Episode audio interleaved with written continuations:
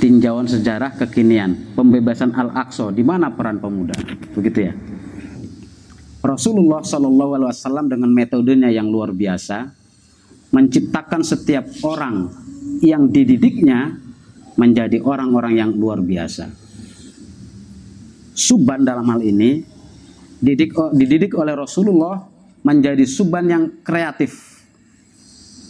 Setidaknya pada zaman Rasulullah dan Khulafaur Rasyidin, keberadaan pemuda pada saat itu hanya ada pada dua kemungkinan. Ini menurut saya ya. Yang pertama, mereka giat dalam beribadah. Wasyabun nasya'a fi ibadatillah. Kemudian yang kedua, kalau tidak ada peperangan, mereka berlatih dengan giat. Untuk apa? Karena memang urusan dunia, urusan misalnya Maisa itu dikerjakan oleh orang-orang tua mereka. Sementara mereka meluangkan waktu yang ada untuk berlatih. Seperti kita tahu, yang disunahkan adalah berlatih mengendarai kuda, memanah dan berenang. Meskipun di Arab Saudi, di Madinah tidak ada kolam, kolam renang. Tetapi itu berarti apa? Menandakan Islam rahmatul alamin. Yang pertama. Kemudian yang kedua, keberadaan pemuda pada zaman Rasulullah dan Khulafaur Rasyidin yang puncaknya nanti adalah Futuh Al-Quds keberadaannya adalah sebagai penyeimbang bagi para seniornya pembanding. Bahkan pada saat-saat yang spesial mereka dalam tanda petik berkesan berlawanan dengan para seniornya. Bukan tidak taat tetapi inilah karakter pemuda. Sel selalu memiliki hal yang lebih yang tidak dimiliki oleh orang tua. Sekedar contoh saja bahwa ketika perang Uhud singkat cerita Rasulullah mengajak musyawarah hanya ada dua opsi untuk melaksanakan perang. Yang pertama, Rasulullah dan para sahabat-sahabat yang besar memilih bahwa harus bertahan di dalam kota Madinah. Rasul berada di pihak itu. Tetapi Hamzah bin Abdul Muthalib, paman Rasul, mewakili generasi muda, mengatakan, tidak ya Rasulullah, sebaiknya kita keluar. Karena resiko bertahan di Madinah itu berat. Singkatnya, Rasul memilih pilihan kaum muda. Kemudian yang kedua, peristiwa Khandaq kita tahu kalau kita baca sejarah secara teliti bahwa Ummu Salamah istri Rasulullah pernah menyampaikan perang yang paling berat yang dihadapi oleh Rasulullah adalah perang Khandaq atau Ahzab. Digambarkan dalam Al-Qur'an bagaimana masyarakat Islam atau kaum muslimin di Madinah pada saat itu sampai-sampai napas itu menyesak ke dalam ke atas dada. Saking kacau, takut dan luar biasa.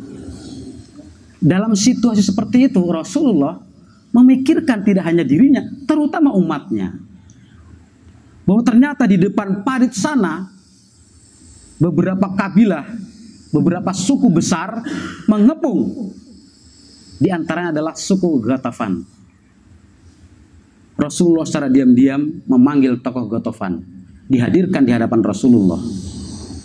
Kata Rasulullah kepada suku Gotofan ini, kepala sukunya, wahai Gotofan, aku tahu kedatanganmu kemari adalah hanya urusan harta. Sebaiknya pulang. Janganlah engkau bergabung dengan pasukan yang ada di sana.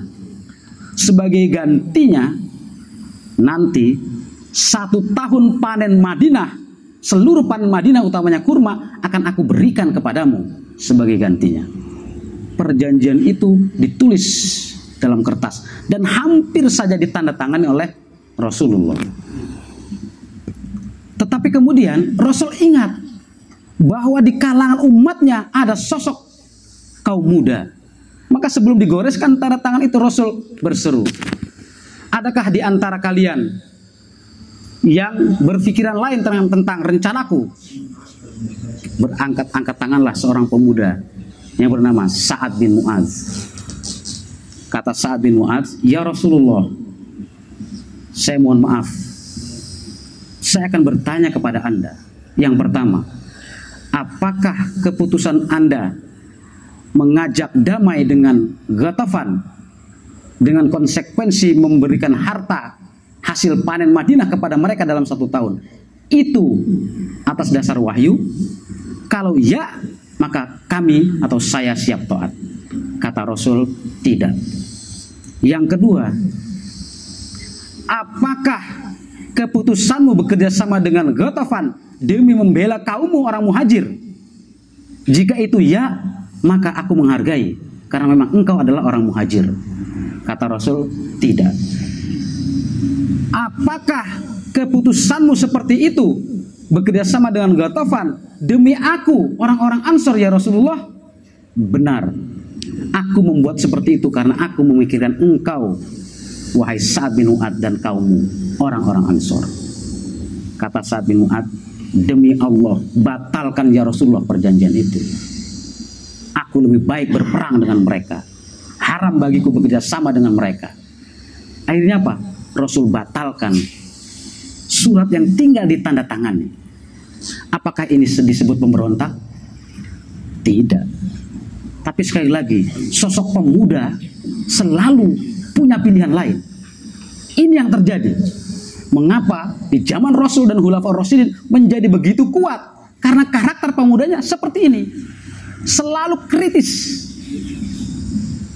Itu hanya dua contoh, belum contoh-contoh yang lain. Tetapi setidaknya bahwa peranan pemuda dalam perjuangan sampai Futu al itu luar biasa.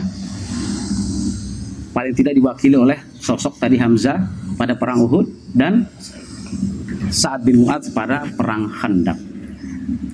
Tetapi jangan jangan lupa pula Hamzah dan Sa'ad bin Mu'ad diuji oleh Allah terhadap pilihannya. Setiap pilihan itu ada resiko. Nanti pun akan terlihat apakah pilihan itu dia konsekuen atau tidak. Kita lihat setelah dia teruji. Hamzah Sahid pada perang Uhud. Dialah yang memotori harus pergi keluar. Saat bin Mu'ad versinya banyak. Dalam perang Handak dia terkena anak panah tepat di matanya sehingga ketika dicabut darah tidak pernah bisa berhenti keluar. Ini adalah ujian dari Allah karena Dia yang menantang agar tetap berperang dengan mereka. Bisa dipahami ya Pak Rewan ya? Inilah karakter pemuda-pemuda di zaman Rasulullah Sallallahu Alaihi Wasallam. Lanjut, saya mulai ya ini baru baru mukadimah tadi ya. Saya mulai dari perang atau sulhu Hudaybiyah, perjanjian Hudaybiyah. Ketika Rasul akan melaksanakan umroh, singkatnya dihalangi oleh orang-orang Quraisy, orang-orang Makkah. Sehingga Rasul tertahan tidak bisa. Maka lahirlah beberapa butir perjanjian. Salah satu perjanjian itu adalah bahwa kaum muslimin tidak boleh umroh tahun ini. Hanya bisa umroh tahun yang akan datang. Yang kedua, tidak boleh saling memerangi selama 10 tahun. Ketika Rasul menerima perjanjian itu dengan Quraisy, kalangan muda protes beras, berat. Termasuk Umar, ya Rasulullah, engkau seorang nabi, kenapa mau didikte begitu rupa? Sekali lagi karakter pemuda itu muncul. Bagi seorang Umar, mestinya kalau mencontoh Rasul, berterima kasih ada orang-orang yang kritis karena secara tidak langsung mereka sedang mengoreksi kita, memperlihatkan kelemahan kita. Itulah yang dialami oleh Rasulullah. Maka kata Rasulullah, "Wahai Umar, sabarlah. Di balik peristiwa ini ada hal yang lebih besar." Ternyata betul. 10 tahun berdamai dengan Quraisy berarti Rasul menjadi aman. Kenapa? Karena selama ini yang mengganggu kaum muslimin itu adalah orang-orang kafir Quraisy. Puncaknya tadi pada, pada perang Khandaq. Karena ada perjanjian begitu rupa yang panjang durasinya 10 tahun digunakan oleh oleh Rasulullah untuk mengembangkan sayap dakwahnya. Dalam sejarah ditulis bahwa Rasulullah mengirim surat kepada delapan kerajaan. Yang terjauh adalah ke Ethiopia Habasa. Mundur ke belakang, seandainya Rasul tidak menerima perjanjian damai, dengan Quraisy, maka Rasul akan selalu disibukkan menghadapi Quraisy. Tapi karena ini ada perjanjian damai, yang sesungguhnya hakikatnya menguntungkan kaum muslimin, maka Rasul berdakwah. Salah satu dakwahnya adalah mengirim surat kepada Kaisar Romawi Heraklius yang berada di Syam. Heraklius menerima, hanya saja tidak mau taslim. Sementara kalau yang ke Persia itu dirobek-robek dan seterusnya dan seterusnya. Apa yang dilakukan oleh Rasul sesungguhnya sedang memberitahukan kepada generasi penerus Abu Bakar, Umar, Utsman dan Ali dan seterusnya bahwa inilah medan Anda ke depan. Siapa? Romawi, Persia dan kekuatan-kekuatan yang lainnya. Itu baru isyarat bahwa itulah kerja Anda. Ternyata tidak lama dari situ dibuktikan terjadinya perang Mu'tah. Perang itu, Pak Iwan pernah dengar kisahnya? Salah satu sebabnya adalah ketika Rasul mengirim surat kepada Raja Gesan yang berada di Syam, utusan Rasul dibunuh. Maka Rasul bereaksi mengirim 3000 pasukan menuju Syam untuk menuntut balas. Ternyata reaksi orang-orang Romawi luar biasa 3000 berhadapan dengan 200.000 pasukan. Seimbang tidak para Iwan? Di antara pasukan-pasukan itu, komandannya kebanyakan adalah anak-anak muda. Ketika menghadapi 200 ribu, banyak yang ciut. Tetapi anak muda yang memegang kendali, kita maju. Maju bukan berarti cepatnya kematian. Mundur berarti panjangnya umur. Juga tidak. Kita akan maju. Singkatnya dengan izin Allah, 3000 melawan 200 ribu. Kalau sejarah mencatat bahwa kemenangan ada pihak kaum muslimin. Kenapa? Hanya 12 orang saja yang sahid termasuk tiga komandan pilihan Rasul. Perang Mu'tah disajikan oleh Allah untuk memberitahukan kepada kaum muslimin peta kekuatan sang musuh. 3000 melawan 200 ribu, begitu rupa pulang kaum muslimin. Disambung lagi dengan perang Tabuk. Kali ini Rasul ingin menunjukkan kepada Romawi dalam hal ini kekuatan yang sesungguhnya bergerak dengan 30 ribu. Tetapi sesampainya di Tabuk, musuh yang ditunggu-tunggu oleh kaum muslimin tidak muncul. Mereka berhitung, Romawi berhitung, Ketika dua tiga ribu saja sudah menggetarkan dua ratus ribu, kali ini mereka datang dengan tiga puluh ribu, maka kita tidak ada apa-apanya. Ini strategi Rasul untuk menggertak dalam tanda petik. Jangan tunjukkan kelemahan, kekuatan kita. Meskipun sesungguhnya, mohon maaf, itu empot-empotan. Kan pasukan tabuk itu kan disebut Jaisu Usro. Pasukan yang dalam keadaan sangat sulit. Paceklik. Tidak ada makan yang memadai kendaraan tidak mencukupi, perjalanan begitu jauh. Sampai-sampai sekedar untuk menghilangkan dahaga saja, kaum muslimin mesti mesti menyembelih unta, mengambil airnya untuk diminum dari kantong unta. Jaisu Usroh. Singkatnya, pada perang Tabuk, Romawi tidak keluar sarangnya. Mereka lebih sibuk mengamankan daerah masing-masing. Sekali lagi Rasul ingin menunjukkan kepada para sahabat ketika situasi sedang menguntungkan, jangan pernah mengendurkan. Terus maju. Tetapi dengan izin Allah, ketika perang Tabuk kemudian Rasulullah kembali, ini Rasul ikut langsung ya di perang Tabuk, kembali dan tidak lama kemudian Rasul sakit. Sakitnya ini sakit yang serius, sakit menjelang ajal Sebelum ajal, Rasul membuat keputusan yang spektakuler. Yang ini dikenang oleh sepanjang sejarah. Baik Islam maupun non-Islam. Apa itu? Rasul menunjuk panglima yang masih sangat belia. Usama bin Zaid.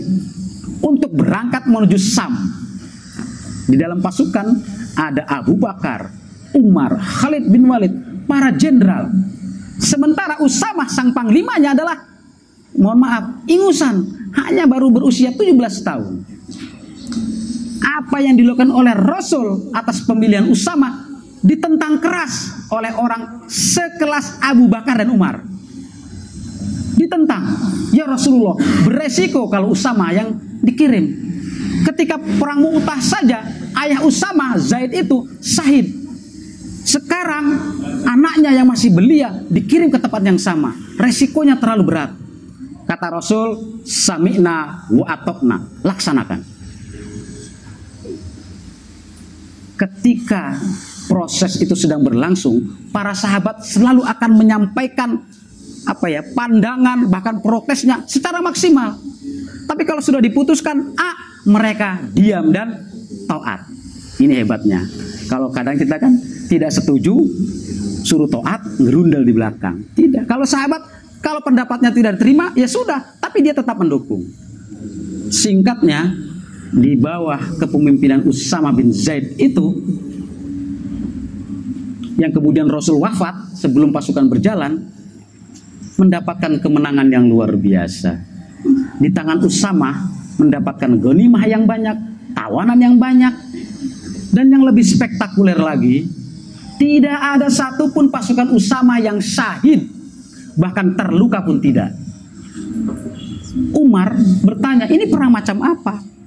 Perang, menang, dapat harta rampasan, dapat tawanan, tapi tidak ada yang syahid. Beliau teringat, ini adalah panglima pilihan Rasul.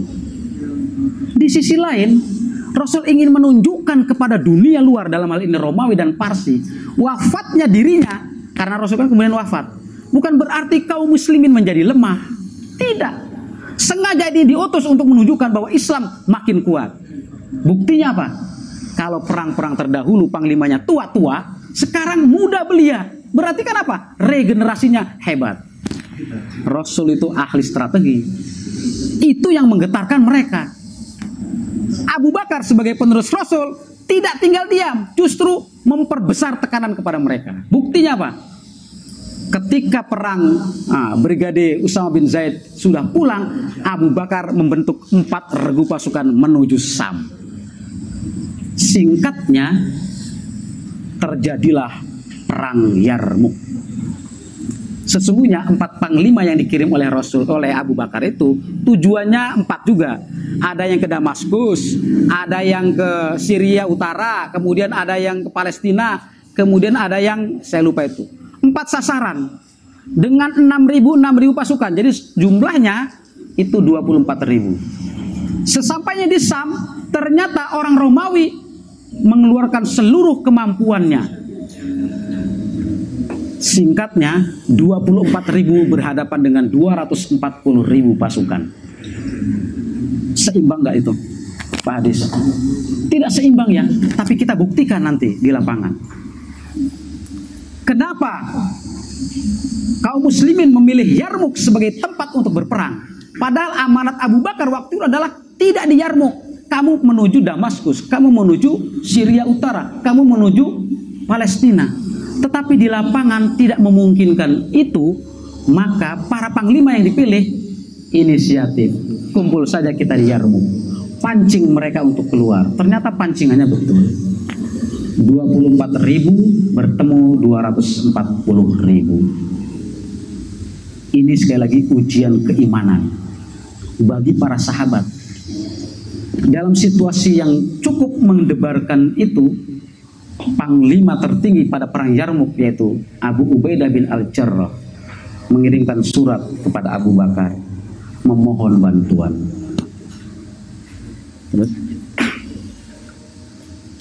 Singkatnya Abu Bakar menulis surat ke Irak di mana Khalid bin Walid juga selesai menaklukkan Irak.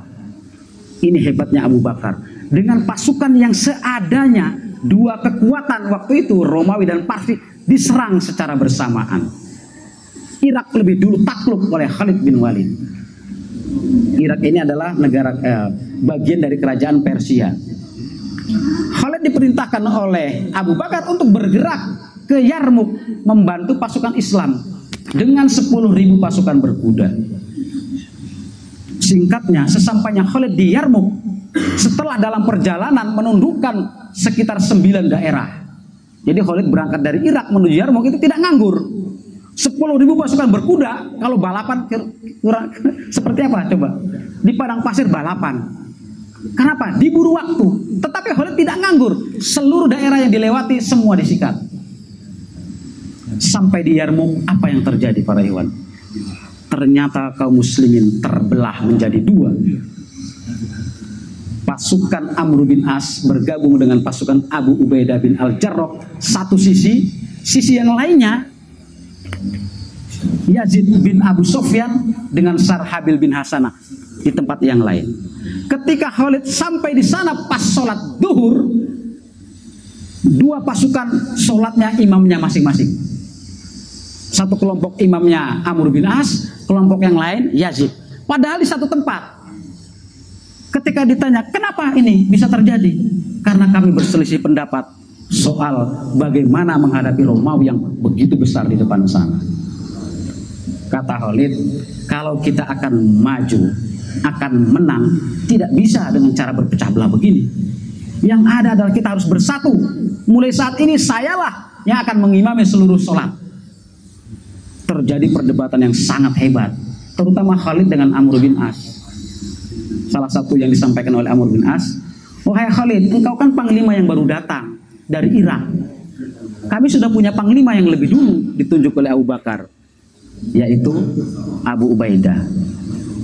Akhirnya apa kata Ya, aku juga menerima dia sebagai panglima. Sekarang begini saja, jangan mempertajam perselisihan musuh kita di depan. Kita harus berjamaah, baru bisa menghadapi mereka. Singkatnya dengan izin Allah, terutama dorongan dari generasi mudanya, bahwa sekarang kepemimpinan pasukan berada di tangan Khalid bin Walid 240 ribu melawan 24 ribu bertambah dengan pasukan Khalid 10 ribu 34 ditambah dengan pasukan yang lain sampai jumlah totalnya 46 ribu melawan 240 singkatnya dengan izin Allah melalui proses yang mendebarkan kaum muslimin beroleh kemenangan. Alhamdulillah.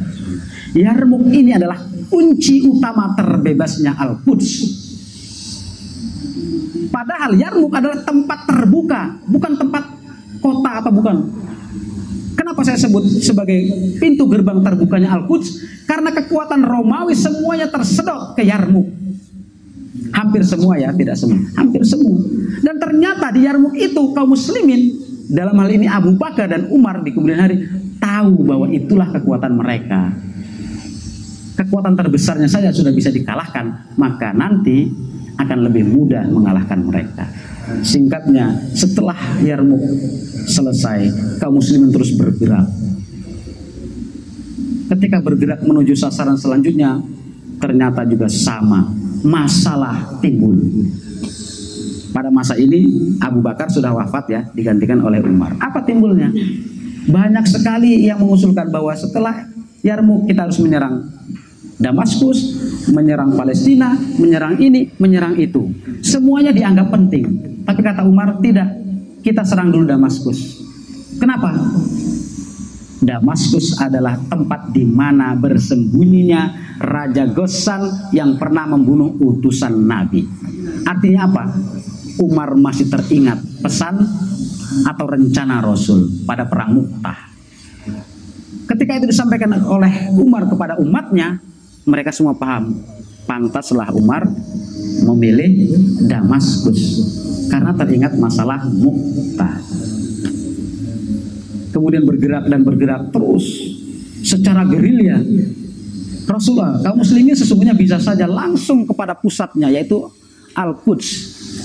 Tetapi Umar juga adalah ahli strategi. Tidak mungkin langsung mencaplok Al-Quds sementara kekuatan Romawi masih berserakan di sekitarnya. Maka yang ada adalah habisi. Ini bahasa saya. Habisi kekuatan-kekuatan penopang Al-Quds. Ketika sudah habis maka tinggal Ad Al-Quds.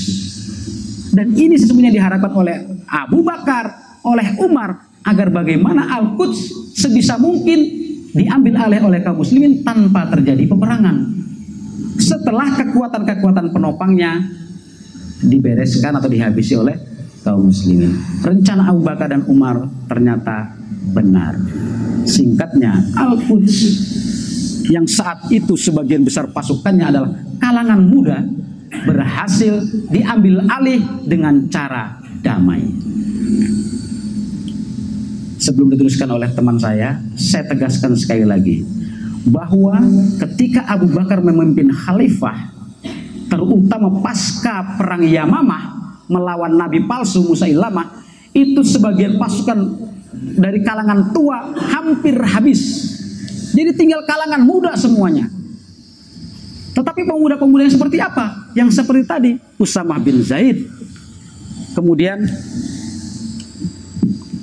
yang lain, semuanya hampir muda semua. Dan di tangan pemuda itulah Al-Quds bisa diraih atau terbebaskan dari cengkeraman Romawi.